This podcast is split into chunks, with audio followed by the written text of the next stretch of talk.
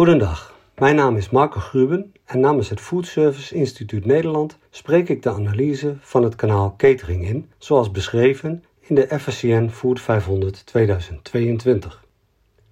Catering, de grote herpositionering. Sommige grote cateraars in de FSCN Food 500 twijfelden in de afgelopen jaren aan hun relevantie. De boodschap na de coronaclash is: cateraars zullen zich drastisch moeten herpositioneren. Daarmee hebben veel bedrijven al volop een begin gemaakt. Het zij nog maar eens gezegd: catering is in de breedte al langere tijd een uitdagende markt. De branche herstelde moeilijk van de economische crisis in de periode 2009-2013. Een citaat uit de editie 2019 van de FSCN Food 500. Catering is over de gehele linie nu al een reeks van jaren een sector die maar zeer mondjesmaat plust. Niemand kon toen voorzien dat de reeds magere index van bedrijfskatering zelfs nog zou dalen naar 46,9 en dat die van grote cateringlocaties zelfs nog lager zou uitkomen.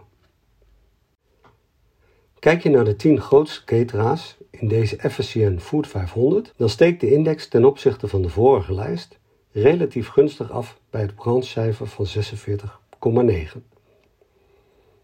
De index van de top 10 van de Nederlandse catering is 63. Het thuiswerken en de lockdowns kosten bijna alle grote cateraars tientallen miljoenen euro's. De grote internationale corporate cateraars verloren elk ongeveer 100 miljoen euro ten opzichte van drie jaar geleden. Dat dit daarnaast ook gold voor de grootste in-flight cateraar KCS hoeft geen betoog. De luchtvaart kwam immers grotendeels tot stilstand. Wat gebeurd is, is gebeurd. Gezond opportunisme is het zaken doen niet vreemd.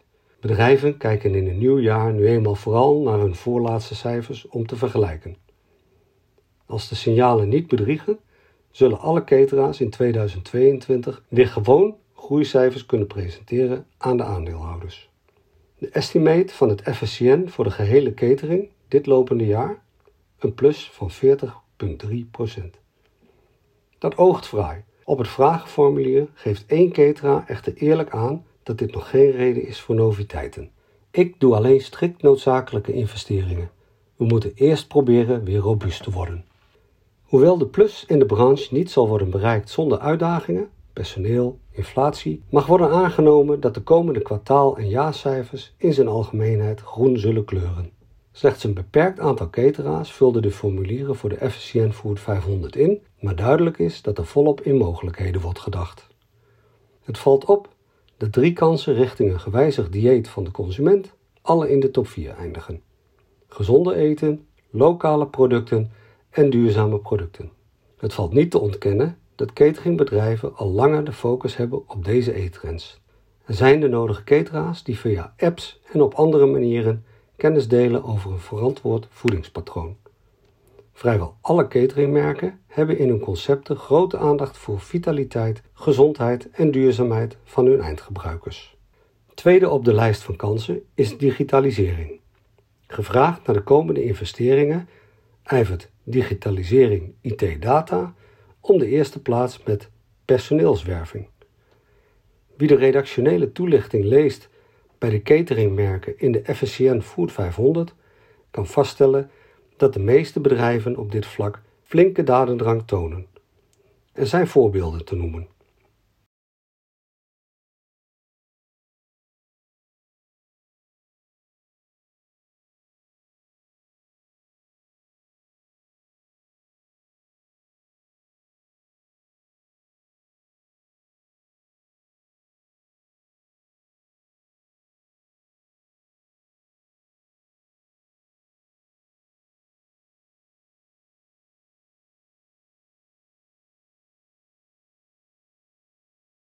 Introductie van eigen bestel- en informatie-apps door cateraars. Apps worden volop ingezet om interne bestellingen te doen, waardoor wachtrijen worden voorkomen.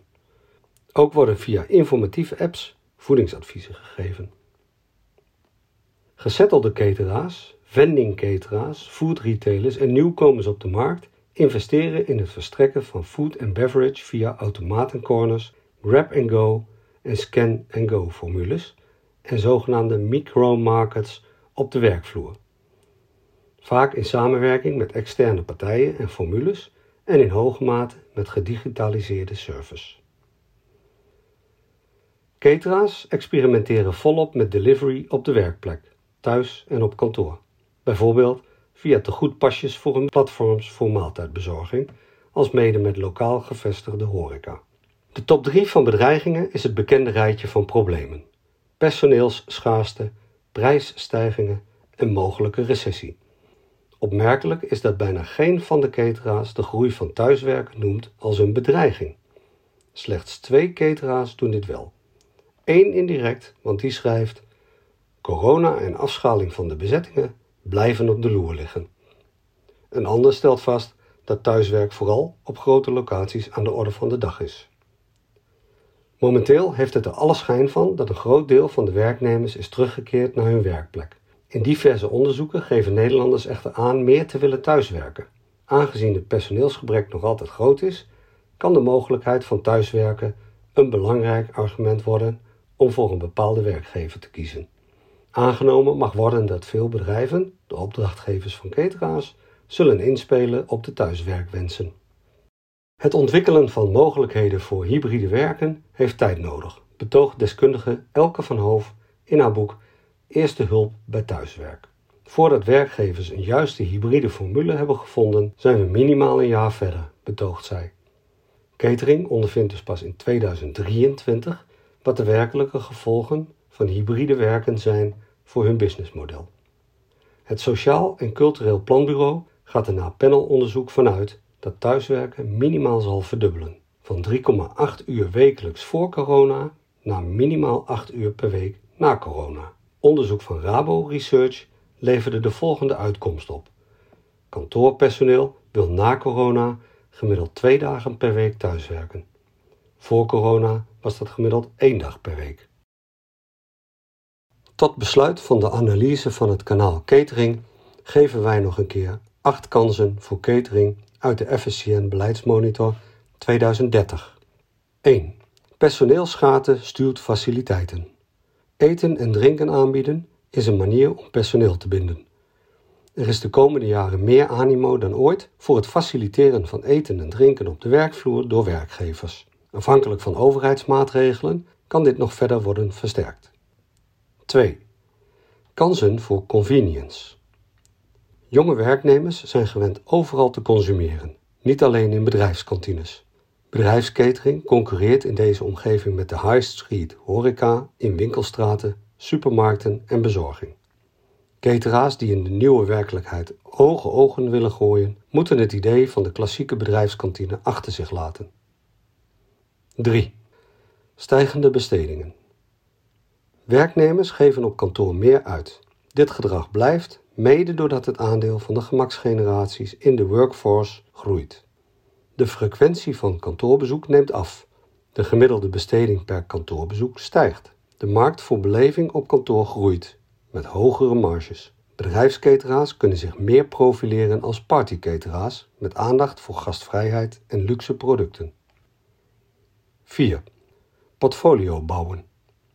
Het toevoegen van merken aan het portfolio versterkt de positie van cateraars. Jonge mensen houden van merken, die bieden houvast in hun gejaagde bestaan en werken statusverhogend. 5. Maatschappelijke thema's.